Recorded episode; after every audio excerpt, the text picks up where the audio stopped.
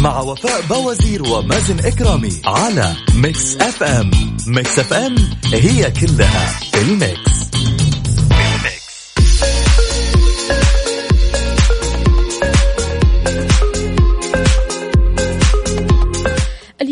الأربعاء 23 رجب 18 مارس. يسعد لي صباحكم وين ما تكونوا في حلقة وساعة جديدة من كافيين. معكم أختكم وفاء بوازير وزميلي مازن إكرامي. أكيد مازن بعد أيام قليلة راح يجي معنا ويطلع معنا وإن شاء الله الله يكتب له الصحة والعافية دائما وأبدا. يا مازن يا إكرامي.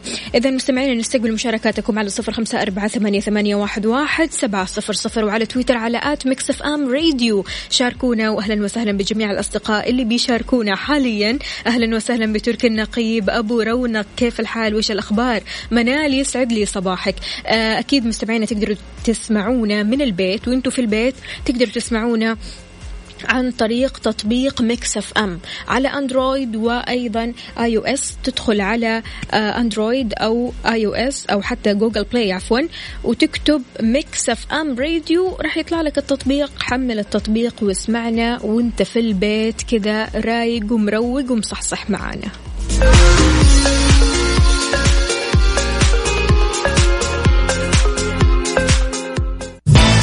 كافيين مع وفاء بوازير ومازن إكرامي على Mix FM Mix FM هي كلها ال mix. هذه الساعة برعاية McCoffee من ماكدونالدز ومستشفى ومركز الدارة الطبي في الدارة انت كل اهتمامنا وترى الدارة دارتكم.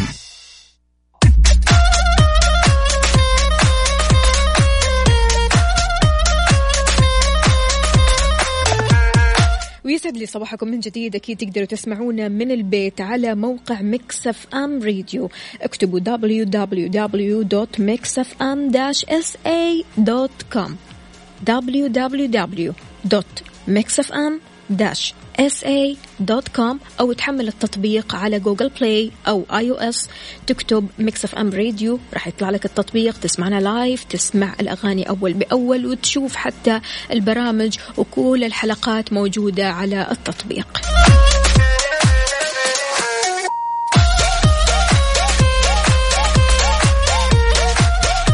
إذا بعد ال break مستمعينا عندنا مداخلة جميلة جدا. راح نتكلم اليوم شوية عن مرض السكري. أي سؤال أي استفسار؟ على صفر خمسة أربعة ثمانية واحد, واحد سبعة صفر صفر. طبعا مرض السكري هو مرض منتشر في مجتمعنا ومجتمعات العالم. فلذلك أكيد أي سؤال بيخطر في بالك عن مرض السكري يا ريت ترسلنا على Mix FM واتساب أو حتى تويتر على at Mix FM Radio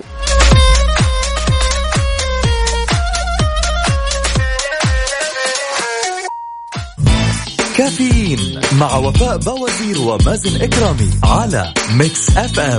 Mix FM هي كلها ال mix. هذه الساعة برعاية ماك كوفي من ماكدونالدز ومستشفى ومركز الدارة الطبي في الدارة أنت كل اهتمامنا وترى الدارة دارتكم. ويسعد لي صباحكم من جديد صباح الصحة والصحصحة. زي ما قلت لكم قبل ال break أننا رح نتكلم عن مرض السكري مع مداخلة جميلة جدا مداخلة مختلفة مع الدكتور نادر خير. يعمل الدكتور نادر خير كاستشاري في الغدد الصماء بخبرة تتجاوز العشرين سنة. قبل كده عمل كأخصائي غدد صماء في الولايات المتحدة الأمريكية بحيث كان شريك دولي في مجموعة هنري فورد الطبية. أكمل تدريبه على الإقامة في الطب الباطني عام 2012 2012 في Cambridge Health Alliance وهو برنامج إقامة تابع لجامعة هارفارد في بوسطن الولايات المتحدة الأمريكية. بعد كذا أكمل زمالة ما بعد الدكتوراه في الغدد الصماء والسكري والتمثيل الغذائي عام 2014 في جامعة ميزوري الولايات المتحدة الأمريكية. وحاصل أيضا على شهادة الغدد الصماء في الموجات فوق الصوتية للرقبة ECNU من الجامعة الأمريكية لعلم الغدد الصماء السريري. وكمان أنهى مؤخرا شهادة في الصحة العالمية من جامعة ميزوري. السلام عليكم ويسعد لي صباحك دكتور نادر. وعليكم السلام ورحمة الله تعالى وبركاته. صباح الخير. صباح الخيرات والمسرات. دكتور نادر هذا ال CV بيخفي وراه نجاح عظيم وأنا كثير سعيدة بمداخلتك اليوم معنا. الله يسعدك ويكرمك. يا هلا وسهلا دكتور نادر بداية آه، مرض السكري هو مرض منتشر في مجتمعنا ومجتمعات العالم عموما لكن في بعض الأشخاص ما يعرفوا ماهية المرض هذا وهذه حقيقة actually uh, المرض هذا من اسمه واضح إنه في زيادة في نسبة السكر في الدم م. والنسبة هذه تكون أكثر من المعدل الطبيعي م. ولكن هذا ما هو كل المرض فهو جاء الاسم السكري م. بسبب هذه الزيادة. لكن في أشياء ما بيفسرها في عند مرضى السكري زيادة السكر لوحده. نعم. ويمكن التغييرات تحدث داخل جسم الإنسان. ويمكن هذا من أحد الأسباب إنه ما يكتشف له علاج نهائي حتى الآن. نعم. طيب دكتور نادر أكيد هذا المرض له أعراض. فكيف أعرف إذا كان عندي مرض السكري؟ هذا سؤال كثير من الناس بيسألوا آه، ونسبة انتشاره كبيرة جدا. لذلك يعني الناس برضو كمان عندها آه، بعض الاستفهامات حول الأعراض. هذا سؤال مهم جدا. كثير من الناس يكون عندهم سكري م. وما عندهم فكرة أنهم مصابين بالسكري. صحيح. فكيف الواحد يعرف إذا كان عنده سكري؟ م. أول شيء تتأكد من تاريخك المرضي التاريخ المرضي مرة مهم. إذا كان أحد الوالدين أو واحد في الأهل من القرابة من الدرجة الأولى أو الثانية إذا. كان في سكر في العائلة. هذا شيء مهم جدا جدا للتهيؤ الوراثي الجيني لمرض السكري فإذا كان في مثل هذا الشيء الشخص مفروض إنه كل فترة والثانية يتابع عند الطبيب ويتأكد إنه ما عنده مشكلة في السكري.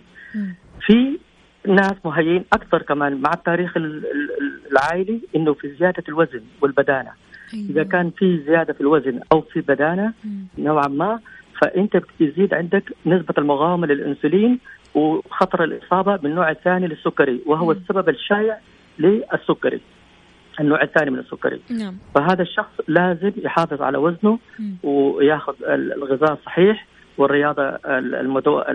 المناسبة لوزنه ولعمره على أساس يحافظ على وزن مثالي وما يكون عنده سكري، فأحيانا هذول بيكون عندهم سكري وما يدرون إنهم عندهم سكري، لأنه جسم الإنسان طبيعيا يقاوم هذا الشيء، يقاوم السكر، يعني نعم. غدة البنكرياس تفرز إنسولين وتفرز جلوكاجون، الإنسولين ينقص السكر والجلوكاجون يرفع السكر، هذا شيء طبيعي. مم. فبالتالي يكون عندك سكري أنت ما تدري عنه. يا لطيف وهذول وهذول الناس برضو إذا يحصل عندهم نقص في الوزن مم. يفتكرون بدون رياضة يفتكرون إنه خلاص أنا جسمي نازل وأقدر آكل كل شيء والحقيقة إنه داخليا يكون في تغيير إنه في فقدان للسكر في البول وزيادة في مرات التبول وحجم التبول مم. وفي عطش شديد وكذا هذه نقصان الوزن إذا صاحب عطش شديد وزيادة التبول وإرهاق أو ضعف في النظر فهذه يكون تكون أيضا علامة من علامات السكري. هنا وقتها على طول أتجه للدكتور لأنه لا مجال للانتظار. أكيد أكيد ما تنتظر لما حد يقول لك ليش صار فيك ليش وزنك ناقص وكذا حتى بعدين تنتبه لأنك عندك سكري أو في خمول أو في زيادة في التبول لا أنت قبل كده إذا في تاريخ مرضي أو في آه، زيادة في الوزن أو بدانة نعم. أنت المفروض تكون تاخذ حسابك مم. وتنتبه تبعد خطر السكري نعم. دكتور نادر الإنسان نتاج ما يأكل وما يشعر. إيش علاقة التوتر والحزن والغضب بمرض السكري؟ هذا سؤال جميل جدا. إنه فعلا إحنا ما نأكله وما نحس فيه هو يأثر على جسمنا لأن جسم الإنسان عبارة عن الأكل اللي تاكله هو اللي يبني جسمك. بالضبط. فإذا أكلت أكل صحيح تبني بدن صحيح وجسم صحيح. إذا أكلت أكل آه، أفرطت فيه وسيء وضرك فهو يأثر على على أعضائك الداخلية. صحيح وحتى بيعكس في الخارج دكتور بيبان في البشرة بيبان عموما في السلوك في الخمول كله على بعضه بيبان كذلك المشاعر هاي دكتور أيوه المشاعر مهمة جدا جدا ليش؟ إذا التوتر، القلق، الغضب ال- هذه الأشياء تزيد من احتمالية حدوث مرضى السكر عند الأشخاص المهيئين وراثيا أو بيئيا للمرض. يعني شخص عنده تاريخ مرضي okay؟ نعم. أو عنده زيادة في الوزن أو هو قاعد في بيئة يعني البيئة اللي بقصد فيها إنه ال fast food ال- حواليه بيشتغل ساعات عمل طويلة ما يطبخ ما ما يراعي للأكل وفي نفس الوقت في توتر في العمل أو في البيت أو في آه، أي مشاكل الحياة نعم. اليومية أيوه معلوم فتزيد في الإنسان طبيعيا هرمونات الكورتيزون والأدرينالين. طبيعيا عشان تقاوم هذا الشعور بالانفعال والغلق طبيعيا. فإذا كان الانفعال أو الغلق غير طبيعي زايد فتكون في زيادة غير طبيعية في هذه الهرمونات اللي هي طبيعيا بتزيد من السكر في الدم عشان الواحد يقدر يقاوم هذه الانفعالات. فإذا كان الانفعال غير طبيعي صار الهرمون زيادته غير طبيعية الس- السكر غير طبيعية في جسم الإنسان وإذا في تهيؤ وراثي قد يسبب المرض أو قد إذا كان عندك سكري فالانفعال والتوتر والقلق قد يصعب. علاج السكر أيوة طبعاً. تحتاج انسولين صحيح. وتحتاج زيادة في بالضبط وفي ناس يا دكتور تلاقيهم برضو كمان يحسوا بال stress أو التعب أو القلق أو حتى التوتر ويتجهوا على طول للشوكولات والسكريات وهذه الأشياء حقيقة حقيقي هذه أخطر مشكلة إنه الإنس... إنه إنه هذه السكريات عندها صارت زي الأدكشن صار في صحيح. هرمونات بتنشط آه، في- آه، وفي إفرازات في المخ ومواد كيميائية. زي زي الإدمان. فتصير إنه الشخص كل ما هذه تريح الواحد بس بس تأثيرها صغير مرة صحيح. يعني تحتاجها يعني ما ما تستمر فتره طويلة مم. ففي ننصح إنه دائما الإنسان إنه يحاول الأشياء الطبيعية في الأكل وفي العلاج النفسي. أكثر من إنه يعتمد على هذه المأكولات نعم وخصوصا هذه الأيام إحنا نمر بظروف ال- الكورونا.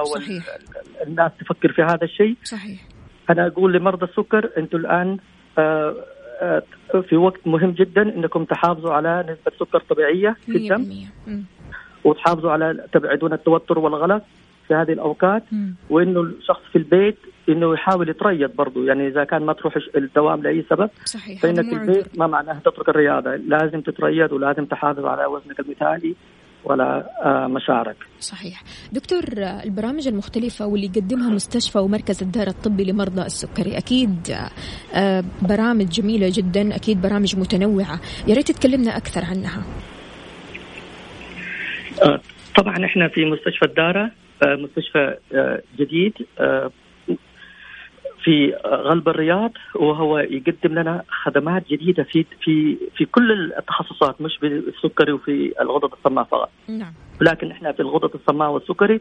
نفتخر بإننا إحنا نقدم خدمات السكري متكاملة تحت سقف واحد. ما شاء الله. نقدم استشارات طبية وتصغير صحي وغذائي عن طريق اخ- اختصاصيين في المجال هذا. آه، نهتم بالفحص الدوري جدا للقدمين والعين ووظائف الكلى. أتليس مرة في السنة لكل مرضى السكري. وكمان بنتابع العلامات الحيوية للشخص.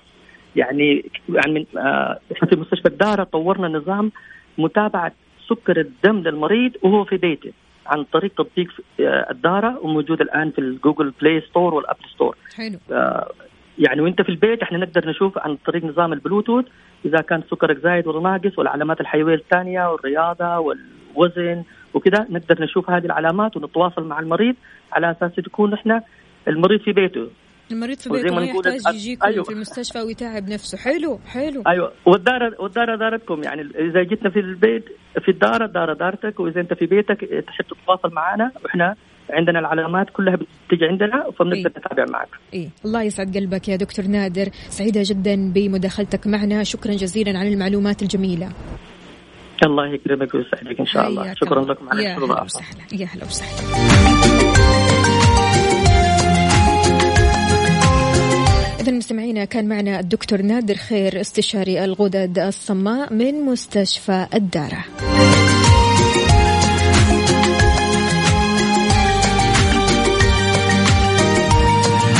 سواء على الأطراف والضواحي أو حتى في قلب الرياض كل شيء ينمو وبأسرع وتيرة. وكان آخر ما احتضنته الرياض في قلبها هو مستشفى ومركز الدارة الطبي بتحفته المعمارية على تقاطع طريق الملك سعود مع شارع التخصصي. عشان تعرف عنهم أكثر تابع حساباتهم على مواقع التواصل الاجتماعي آت الدارة ميد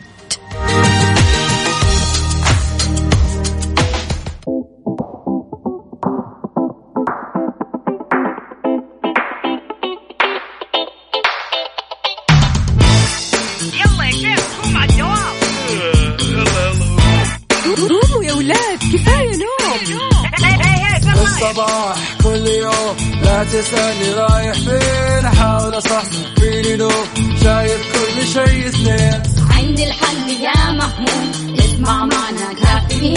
اسمع معنا كافيين. على مكتب ام كل يوم أربع ساعات متواصلين. طالعين تسليم كافيين رايحين جايين. كافيين فايقين رايقين. كافيين صاحيين نايمين. كافيين. الآن كافيين. مع وفاء بوازير ومازن إكرامي على Mix FM Mix FM it's all in the mix.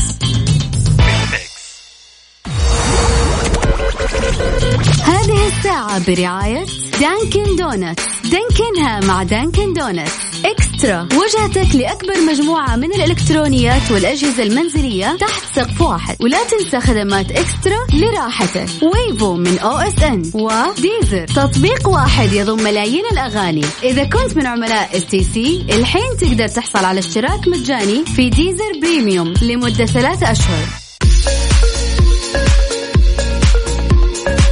ويسعد لي صباحكم من جديد في ساعتنا الثانية من كافيين أكيد أستقبل مشاركاتكم عبر صفر خمسة أربعة ثمانية, ثمانية واحد, واحد سبعة صفر صفر وأيضا على تويتر على at Mix FM Radio. في ساعتنا هذه إيقاف صلاة الجمعة والجماعة لجميع الفروض في المساجد ويستثنى من ذلك الحرمين الشريفين. خبر سار للمدخنين الشرهين اللي أقلعوا عن التدخين. في خبر مرة كويس. فكر في الموضوع. اقلع عن التدخين تماما. أما في فقرة بيج 3 رح نتكلم اليوم عن خرافات عن الوقاية من كورونا. شاركنا بأجدد الأخبار والمعلومات على صفر خمسة أربعة ثمانية, واحد سبعة صفر صفر. تحياتي لمحمد العدوي. أهلا وسهلا فيك. يقول صباح الخير صباح التفاؤل والأمل والسعادة للجميع. يا جماعة تفاءلوا بالخير. ويا رب اشفي مرضانا ومرضى المسلمين؟ ورجع لنا كل الغاليين. واطمنا عليهم الحمد لله. آه نطمن أيضا على مازن إكرامي. مازل كويس يا جماعة. إن شاء الله خير وإن شاء الله يعني الله يكتب له الصحة والعافية. هو عنده فقط إنفلونزا خفيفة لكن كل شيء تمام. يعطيكم ألف عافية. حبايب قلبي والله يعطيكم ألف عافية. جميع الأصدقاء اللي قاعدين يسألوا آه يسألوا عفوا واللي قاعدين يطمنوا. أهلا وسهلا بالجميع. عندنا برضو كمان دكتور محمد عبد العزيز. كيف الحال؟ وإيش الأخبار؟ طمنا عليك يا دكتور. أين أنت؟ رايح على الدوام ولا في البيت؟ من وين تسمعنا؟ تحية واجبة لكل أطباء العالم اللي بيشتغلوا كل يوم وبلا راحة معرضين للخطر في أي لحظة. من أفضلكم؟ التزموا بالتعليمات أو من فضلكم عفوا التزموا بالتعليمات عشان نعدي كلنا من هذا الكابوس. دكتور محمد عبد العزيز أهلا وسهلا فيك. يسعد لي صباحك. صباحك صحة وصح صحة يا رب. آه مين كمان معانا. صباح الخير. اليوم الصباح طلعت من البيت هدوء الحديقة جنب بيتي. فاضية جدا يعني فيلم Resident Evil لا لا تقول كذا. كل واحد قاعد في بيته يعني حامي نفسه وحامي أسرته. مو كاتب لنا اسمك الكريم يا سيدي. عندنا مين كمان هنا؟ صباح الورد والاسترخاء. حياك الله يا افتخار. كيف الحال؟ وإيش الأخبار؟ طمنينا عليك يا افتخار. إذا تحياتنا أيضا للأستاذ أبو رونق. أهلا وسهلا فيك. مستمعينا نستقبل مشاركاتكم على صفر خمسة أربعة ثمانية, واحد سبعة صفر صفر.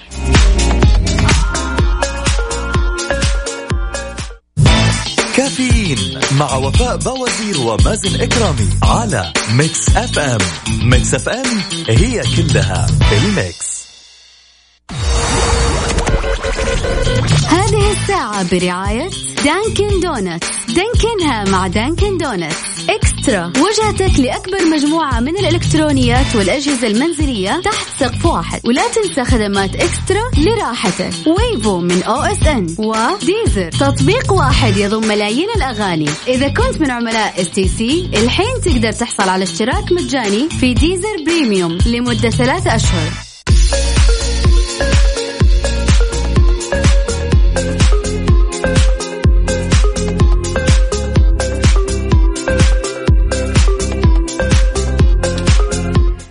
صباحكم من جديد في أول أخبارنا. أصدرت هيئة كبار العلماء قرارها رقم 247 بشأن إيقاف صلاة الجمعة والجماعة لجميع الفروض في المساجد والاكتفاء برفع الأذان في ظل انتشار كورونا وسرعة انتشارها وكثرة الوفيات منها.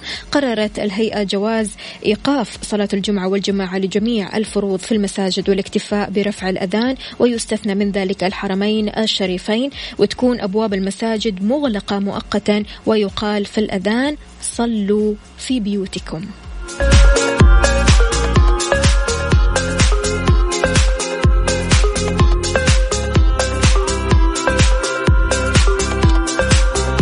الله يعدي هذه الأزمة على خير يا رب يا كريم وتحياتي لجميع الأصدقاء أهلا وسهلا بالجميع.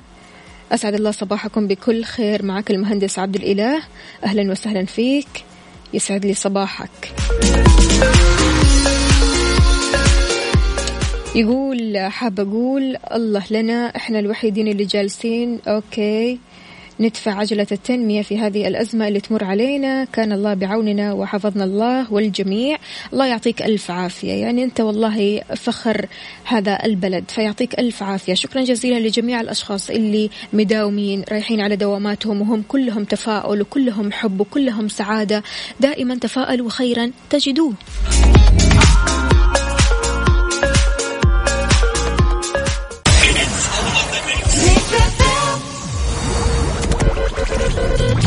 هذه الساعة برعاية Dunkin' Donuts. دانكنها مع Dunkin' Donuts. eXtra. وجهتك لأكبر مجموعة من الإلكترونيات والأجهزة المنزلية تحت سقف واحد. ولا تنسى خدمات eXtra لراحتك. Wavo من OSN. و Deezer. تطبيق واحد يضم ملايين الأغاني. إذا كنت من عملاء STC الحين تقدر تحصل على اشتراك مجاني في Deezer Premium لمدة ثلاثة أشهر. دقيقة لصحتي في كافيين مع وفاء بوازير ومازن إكرامي على Mix FM Mix FM it's all in the mix.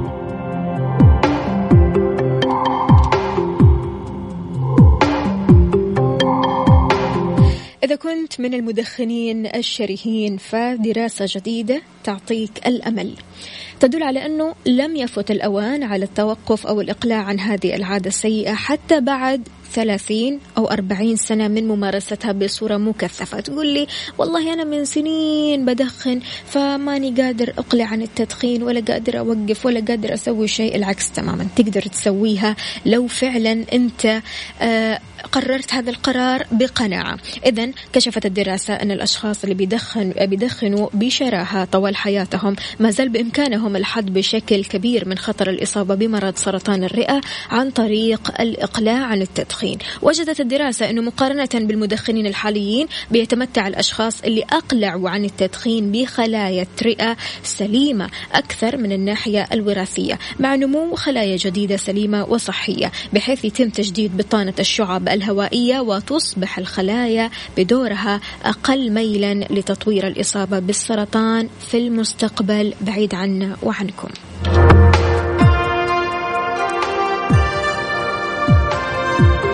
عموما في ظل هذه الظروف لازم تفكر في الموضوع بشكل جدي. الواحد بيهتم بصحته أكثر الواحد يقلع عن أي شيء ممكن يأثر فيه سلبا. التدخين من العادات السيئة. لذلك هذه الأيام حاول قدر الإمكان أنك تتخذ القرار. لو اتخذت القرار اليوم ما راح تندم على هذا القرار بكرة. العكس تماما. راح تقول أنه أنا كويس اتخذت هذا القرار وأنا هنا أنجزت فعلا قرار لصالحي ولمصلحتي ولمصلحة غيري كمان.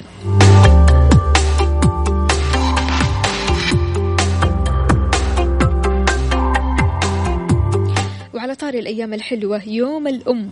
نذكركم بإبداعات Sugar Sprinkles ليوم الأم كيكة بتصميم مميز وجذاب وببساطة ممكن تحجزها من بدري على هذا الرقم. ركز معايا صفر خمسة صفرين تسعة عشر صفر أربعة تسعة تسعة.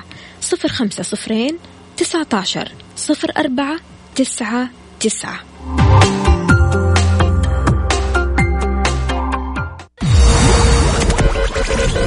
هذه الساعة برعاية Dunkin' Donuts دانكنها مع Dunkin' Donuts eXtra. وجهتك لأكبر مجموعة من الإلكترونيات والأجهزة المنزلية تحت سقف واحد. ولا تنسى خدمات eXtra لراحتك. Wavo من OSN. و Deezer تطبيق واحد يضم ملايين الأغاني. إذا كنت من عملاء STC الحين تقدر تحصل على اشتراك مجاني في Deezer Premium لمدة ثلاثة أشهر. قاعد في البيت؟ خلي مزاجك رايق واسمع أحلى الأغاني مع Deezer. إذا كنت من عملاء STC الحين تقدر تحصل على اشتراك مجاني في Deezer Premium لثلاثة أشهر. عشان تشترك ارسل كلمة Deezer للرقم 900 وتطبق الشروط.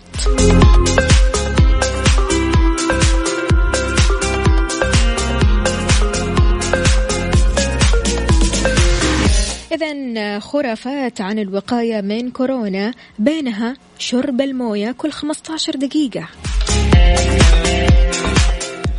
The Big 3 في كافيين مع وفاء بوازير ومازن إكرامي على Mix FM Mix FM it's all in the mix مع استمرار انتشار فيروس كورونا الجديد في جميع أنحاء العالم انتشرت كمان معلومات مضللة حول سبل الوقاية منه وهذا الشيء قد يشكل العديد من المخاطر الصحية. نقلت صحيفة ديلي ميل البريطانية عن منظمة الصحة العالمية ووزارة الصحة البريطانية معلومات خاطئة يجب الانتباه لها. من ضمن هذه المعلومات شرب الموية كل 15 دقيقة. يقول لك أشرب موية كثر من الموية. يدعو البعض لإبقاء الأفواه والحناجر رطبة ولا تجف أبدا. ويقترح آخرون تناول رشفات من الماء كل 15 دقيقة للمساعدة في نقل الفيروس عبر الجسم بحيث سيتسبب حامض المعدة في قتله. هذا اللي بيقولوه. لكن بينما تمنع مياه الشرب الجفاف فإنها لن تمنع أي شخص من الإصابة بفيروس كورونا الجديد. في ناس يقولوا لك غسل فمك بغسول الفم. ضروري جدا يكون عندك غسول الفم لأنها بتقتل الفيروسات والبكتيريا والأشياء هذه. في ناس عندهم لخبطة ما بين الفيروسات والبكتيريا. فخليني أقول لك على هذه المعلومة. غسول الفم لا يمكن أن يحميك من الإصابة بالفيروس. تؤكد منظمة الصحة العالمية عدم وجود أي دليل على أن استخدام غسول الفم يقي من الإصابة بالفيروس. وبعض العلامات التجارية لغسول الفم تؤكد أنه يمكن القضاء على بعض الميكروبات لبضع دقائق من لعاب الفم بالغسول. ومع ذلك هذا لا يعني أبدا أنها تحمي من العدوى الفيروسية. وفي بعض الناس يقولوا لك أنت الحين راح تطلب أونلاين وراح تطلب من الصين. لا تطلب من الصين لأن لو جاتك هذه الأغراض ممكن تصاب بهذه العدوى. الرسائل والطرود من الصين ليست آمنة. هذه هي الخرافة المنتشرة خلافا للافتراضات من الآمن. تلقي الطرود من الصين. ومن التحليل السابق فإن الفيروسات ما تعيش طويلا على الأشياء مثل الرسائل أو حتى الطرود. يعني الموضوع آمن.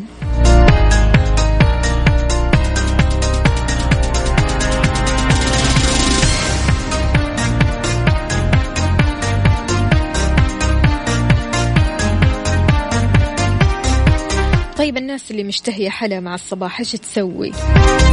اطلب لنفسك فيه من سينابون وما راح تدفع ولا هللة على التوصيل. يعني من الآخر وصل ببلاش. حمل هذا التطبيق واستمتع.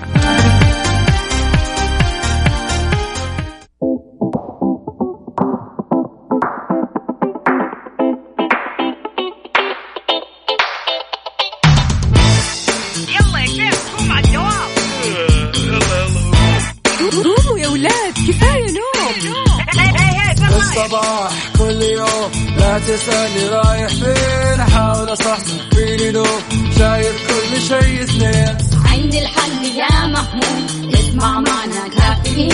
اسمع معنا كافيين. على مكتب ام كل يوم أربع ساعات متواصلين. طالعين تسليم كافيين رايحين جايين. كافيين فايقين رايقين. كافيين كافيين الآن كافيين مع وفاء بوازير ومازن إكرامي على Mix FM Mix FM هي كلها في ال mix.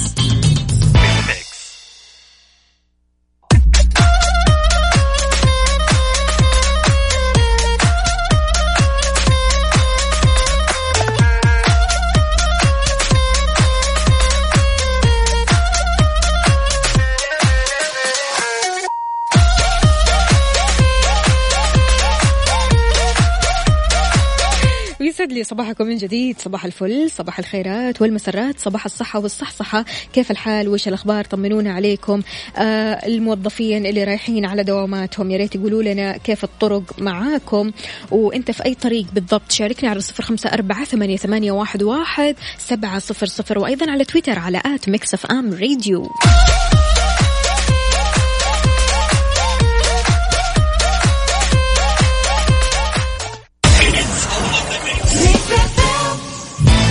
كافيين مع وفاء بوازير ومازن إكرامي على Mix FM. Mix FM هي كلها ال mix.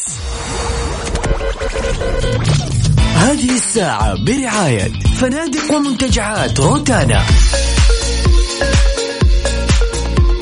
صباح الفل عليكم من جديد. دائما وبدون تفكير مسبق بنحاول إننا نصنع الصداقة مع الآخرين. هي محور التفكير والدائرة اللي نرغب أن نكون في وسطها دائما. لكن في خضم هذه الانشغالات ننصرف عن النقطة الأهم وهي التفكير في أنفسنا. إذا نبغى نبني علاقة جيدة مع الآخرين فأول شيء لازم نسويه إننا نبدأ بالتفكير في كيفية بناء علاقة جيدة مع أنفسنا سؤالي لك عزيزي المستمع كيف طبيعة علاقتك مع نفسك هل أنت متصالح مع ذاتك؟ إيش مدى تأثير حبك لنفسك وتقبلك لذاتك على علاقاتك بالآخرين؟ هل فعلا لما تحس نفسك أنت بتعطي لنفسك مجال أنك أنت تحب نفسك أنك أنت تقدر نفسك وتعطي قيمة لنفسك هل تشوف أن كل هذه الأشياء ممكن تأثر على علاقاتك مع الآخرين؟ شاركني على صفر خمسة أربعة ثمانية واحد سبعة صفر صفر.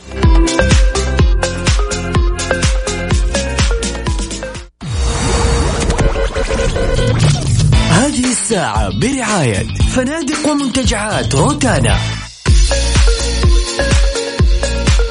إذا كيف تبني علاقة صداقة مع نفسك علشان تتمتع بالهدوء والسلام الداخلي؟ أول هذه الأمور أنك تغفر لنفسك. إذا كان هذا الشعور بعدم الحب والاحترام لنفسك يعود لكونك شخص تشعر بارتكابك العديد من الأخطاء هنا لابد ضروري جدا تغفر لنفسك. إحنا دائما بنغفر للآخرين بنسامح الآخرين صح؟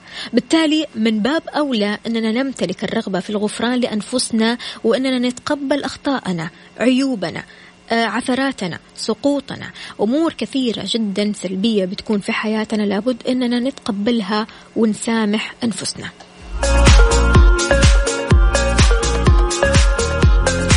في أشياء ضروري تتقبلها فيك أنت. كنفسك. أنت تتقبل الأشياء اللي فيك وهذه الأشياء حطها كذا في بالك ما راح تتغير. في بعض الأمور اللي قد تدعوك لعدم تقبل نفسك منها مثلا الشكل الخارجي والمظهر. هذه الأمور لا يمكن تغييرها لأي سبب كان فهي من الأمور اللي تحتاج منك إلى التقبل. حب نفسك حب نفسك. راح تلاقي هذا الانعكاس للخارج.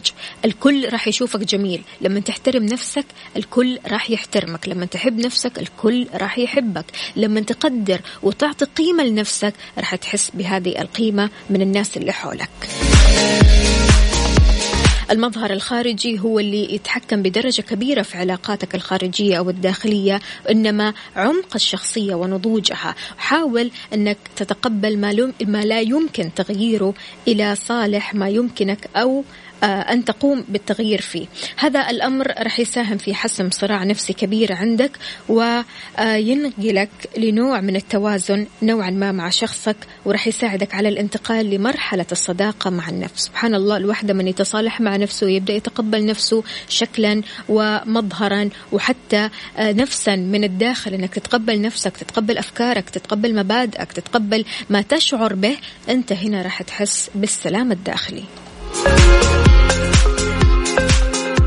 أسوأ ما يمكن يفعله المرء هو مقارنة نفسه مع الآخرين.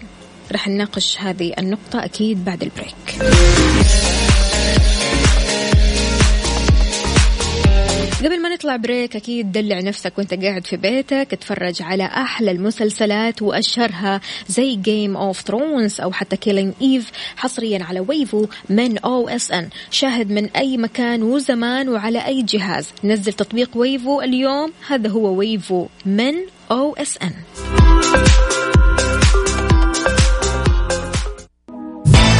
كافيين مع وفاء بوازير ومازن إكرامي على Mix FM.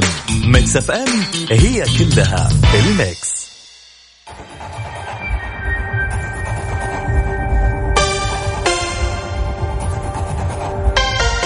الحب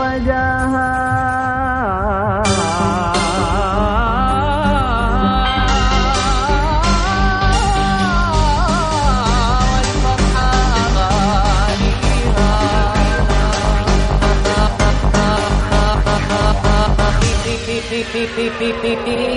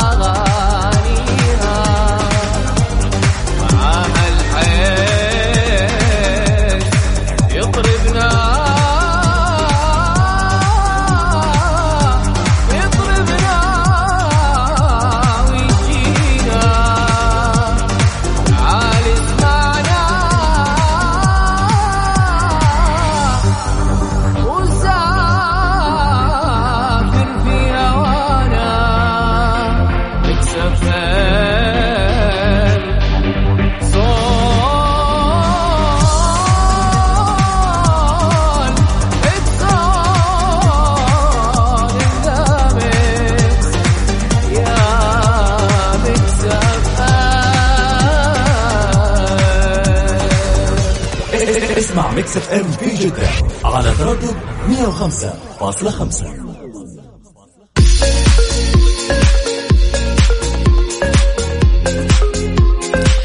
صباح الجمال عليكم. إذا جينا نتكلم شوية عن مقارنة نفسك بالآخرين وكيف ممكن توقفها تماما. تعزيز محبتك لنفسك بتكون عن طريق عدم الانجرار وراء المقارنات اللي تعتبر غير عادلة. يا جماعة كل شخص له ظروفه بيئته طريقة تربية معينة تعليم معين محيط مختلف. كيف ممكن أنت تقارن نفسك بشخص آخر؟ كل شخص له طريقة معينة يعيش فيها حياته. لذلك كل شخص معاييره الخاصة بالنجاح مختلفة فبالتالي لا يشترط أن يكون نجاح الآخرين مقياس لفشلك أنت بل هو نقيض ذلك على الإطلاق. سبحان الله كل واحد له طريق له مسار للنجاح مختلف عن الشخص الآخر. إحنا ضروري جدا نركز على قصص النجاح. يفضل أن تقوم بالتركيز على عناصر النجاح عندك وأسبابها وكيف حصلت على هذا النجاح. في الكثير من الأحوال قد يكون نجاحنا وعلى بساطته هو مفتاح الأمل عندنا في بناء العلاقة الذاتية الناجحة وبناء أيضا العلاقات مع الآخرين. أنت لما تكون ناجح لما تنجز شغلة كذا معينة تحس أنك صديق نفسك تحس بالفخر تحس بالإنجاز. لذلك دائما حاول أنك تركز على النجاح بينك وبين نفسك. وآخر شيء كن صادقا دائما مع نفسك. مو إحنا كلنا نحب نسمع الصدق. وإن كل الناس لازم يتعاملوا معانا بمودة ويعطونا الرأي الصادق إن كنت تحب هذه الأمور بالتالي لازم تحب أن تكون صادق مع نفسك من باب أولى. مش معقول يعني تبني علاقاتك مع الآخرين بالكذب أو باللف والدوران أو بالحكاوي اللي ما لها داعي لا. في أشياء مهمة جدا منها الصدق. تكون علاقتك مع نفسك مبنية على الصدق لا الخداع حاول دوما أن تكون صادق وأن ما تجامل نفسك لتصل إلى أقصى مراحل الصداقة مع النفس. كيف وصلت لهذه المرحلة؟ هل أنت صديق نفسك؟ شاركنا على صفر خمسة أربعة ثمانية, واحد سبعة صفر صفر.